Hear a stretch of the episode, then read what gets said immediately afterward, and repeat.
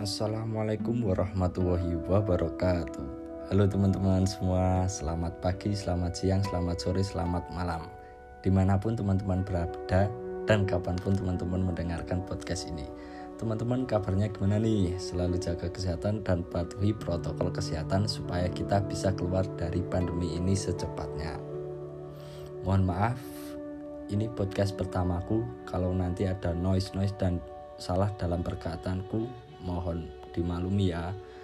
Oke teman-teman kenalin nama aku Faisal Rifki NIM aku 20010260337 Aku mahasiswa komunikasi dan penyiaran Islam UIN Wali Songo Semarang.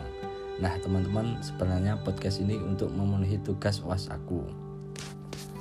Baik selanjutnya Maulana Malik Ibrahim. Siapa Maulana Ibrahim itu? Mau Maulana Ibrahim adalah salah satu di antara sembilan wali-wali Songo di Jawa. Wali Songo adalah sejumlah wali yang memiliki kontribusi besar dalam penyebaran Islam di Indonesia. Khususnya di Jawa, Maulana Ibrahim disebut dengan Syekh Maghribi atau Makhdum. Ibrahim al Samarkandi atau yang lebih akrab dikenal dengan panggilan Sunan Gresik. Maulana Malik Ibrahim dilahirkan di Campa, Kamboja. Beliau memperoleh didikan langsung dari ayahnya. Barokat Zainul Anam Alam, seorang ulama kesohor di Kamboja. Pada abad ke-14 ia hijrah ke daerah Jawa dan berlabuh di Gerwarasi atau Gersik. Pada saat itu Gersik dikenal dengan bandar niaga yang maju dan terkenal di wilayah Asia Tenggara. Di Gresik, beliau bekerja sebagai pedagang dan tabib yang membantu mengobati masyarakat secara gratis di sela-sela aktivitasnya Sunan Gresik berdakwah tentang ajaran Islam. Sunan Gresik berdakwah menggunakan dua metode, yaitu melalui perdagangan dan pendidikan pesantren. Mula-mula beliau berdagang di tempat terbuka dekat pelabuhan ini dilakukan agar masyarakat tidak kaget dengan ajaran baru yang ia bawa kewibawaan dan kecakapan Sunan Gresik Maulana Malik Ibrahim mengundang simpati dari masyarakat bahkan Raja Brawijaya. Beliau beliau akhirnya diangkat sebagai Syekh Bandar atau kepala pelabuhan Raja Brawijaya. Juga mempersilahkan Sunan Gresik untuk menyebarkan Islam. Tidak hanya menjadi pedagang yang handal, Sunan Gresik juga memiliki jiwa sosial tinggi.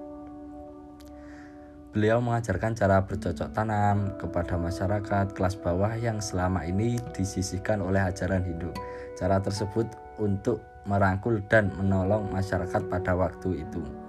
Karena strategi dakwah dengan cara damai ini, ajaran Islam secara berangsur-angsur dapat diterima oleh masyarakat setempat.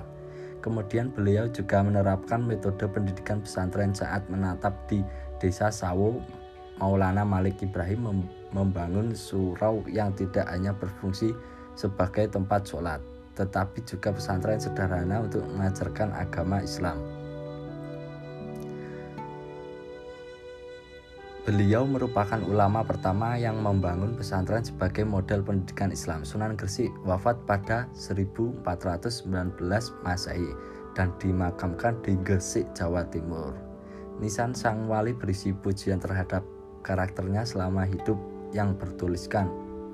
Inilah makam almarhum al-maghfurlah yang berharap rahmat Tuhan kebanggaan para pangeran, sendi para sultan dan para menteri penolong para fakir dan miskin. Yang berbahagia lagi syahid cemerlangnya simbol agama dan negara. Malik Ibrahim yang terkenal dengan kakek bantal, semoga Allah meliputinya dengan rahmat dan ridhonya dan dimasukkan ke dalam surganya. Telah wafat pada hari Senin 12 Rabiul Awal 822 Hijriah. Apa yang diajarkan Maulana Malik Ibrahim seperti perdagangan hingga saat ini masih ditiru masyarakat, yakni mengandalkan hidup dan perniagaan Islam diterima melalui pendekatan budaya lokal di wilayah mereka berdakwah. Banyak yang bisa dipelajari dari kehidupan Sunan tertua ini. Salah satunya membimbing masyarakat Gresik melalui tiga cara yakni pengobatan, perdagangan, akhlak, dan budi pekerti yang baik. Terima kasih teman-teman yang udah mendengarkan podcast ini. Mohon maaf apabila ada banyak kesalahan kata. Demikian dari aku. Wassalamualaikum warahmatullahi wabarakatuh.